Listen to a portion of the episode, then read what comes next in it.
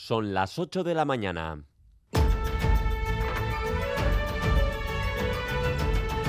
Crónica de Euskadi.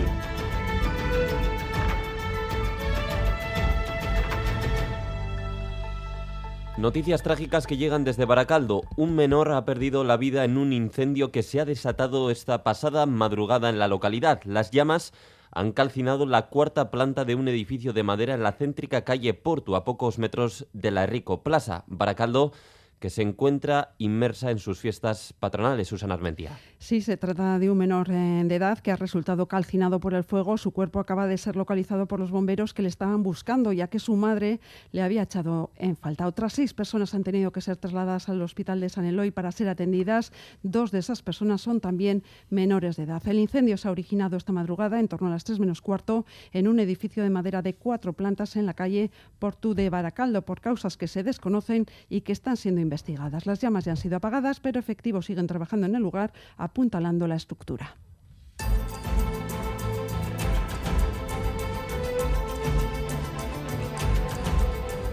¿Qué tal están Egunon por encontrar una nota positiva en este domingo? Euskadi se afianza en la agenda de los grandes eventos internacionales. Hoy le toca a Araba con la reconocida y exigente prueba mundial del Ironman que regresa a Vitoria-Gasteiz después del Tour de Francia. 1.500 atletas de más de 58 países correrán, nadarán y pedalearán por el territorio. Agustí Pérez, director del Ironman para el sur de Europa pantano de Landa, la llanada la Besa para ir en bici y correr por este ambiente que hay en la ciudad de Vitoria, eh, la verdad que es una combinación perfecta, ¿no? Esa atmósfera tan bonita que incluso pues hace perdurar pues este ambiente deportivo que habéis tenido estos días con el Tour de Francia pues aquí aunque es un deporte una parte más popular pues hay muchísima gente que sale a la calle y eso los atletas lo agradecen mucho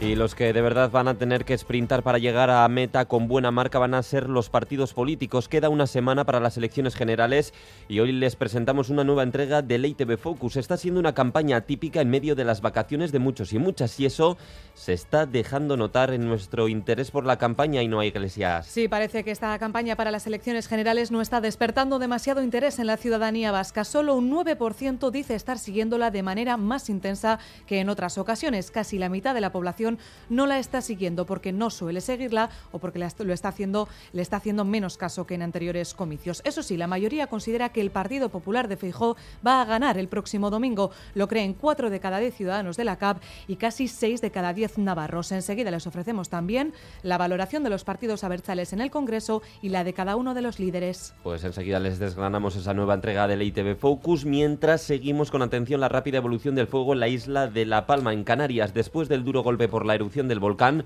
los incendios vuelven a golpear la isla bonita, Susana. Sí, y el fuego avanza sin control. Más de 4.000 vecinos han tenido que ser evacuados de sus viviendas por la cercanía de las llamas.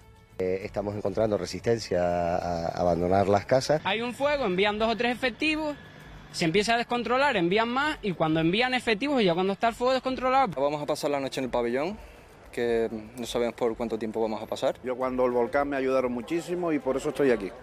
El incendio que comenzó en el municipio de Punta Gorda se ha ido extendiendo y ha calcinado ya cerca de 5.000 hectáreas. Esta noche efectivos de la UME han llegado a la Isla Bonita para colaborar en las labores de extinción en las que intervienen más de 400 efectivos por tierra y un total de 13 medios aéreos. La nota positiva la pone el tiempo y concretamente el viento que no está soplando tan fuerte como se esperaba. Ahora mismo hay 23 grados en La Palma.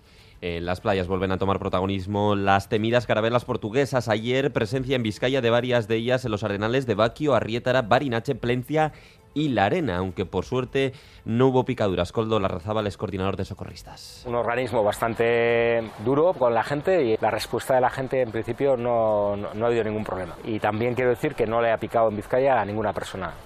Pues estén alerta especialmente aquellos que participan hoy en la prueba de natación de la San Antón Vira en Guetaria. Ese 16 de julio, Día del Carmen, día grande en muchas localidades, Día de los Marineros. Pronóstico del tiempo para hoy, Euskalmete, Gusquiña y Turrio, Egunón. Caixo Egunón. Hoy estará nuboso en la mitad norte y puede lloviznar débilmente por la mañana, pero luego hacia el mediodía y por la tarde durante las primeras horas la nubosidad estará algo más rota y se pueden abrir algunos claros, pero luego por la noche volverá a cubrirse. En el sur estará más soleado y no esperamos precipitaciones. Soplará el viento del noroeste por la tarde con más intensidad, sobre todo en el sur donde se pueden dar algunas rachas fuertes. Y en cuanto a las temperaturas, pocos cambios. Las máximas rondarán los 22 o los 23 grados salvo en el Valle de Ebro, donde pueden superar los 25 grados. Es que recasco Euskalmet, Egusquiña y Turrioz. Vamos ahora con la información de Kirolak, de Deportes. John Zubieta, Egunon. Hola, Egunon. Empezamos hablando de remo, de la disputa de la bandera de Bilbao, que deparó el triunfo ayer de Ondarribía en categoría masculina y de Ram Lagunac en mujeres, a pocas horas de la celebración de la Icurriña de Orio este mediodía.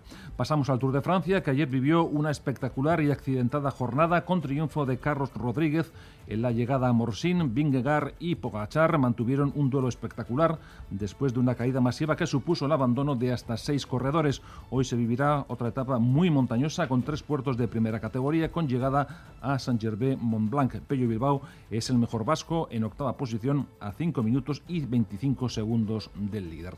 En pelota hoy se disputa la final del Gran Slam de Marquina con Erquega Ibarrucea y Barandica Vázquez como protagonistas. Además, Barreneche y Juan Enea ganaron la final del Hyalar Summer Season de remonte tras imponerse en dos yocos a Azpiroz y Larrañaga.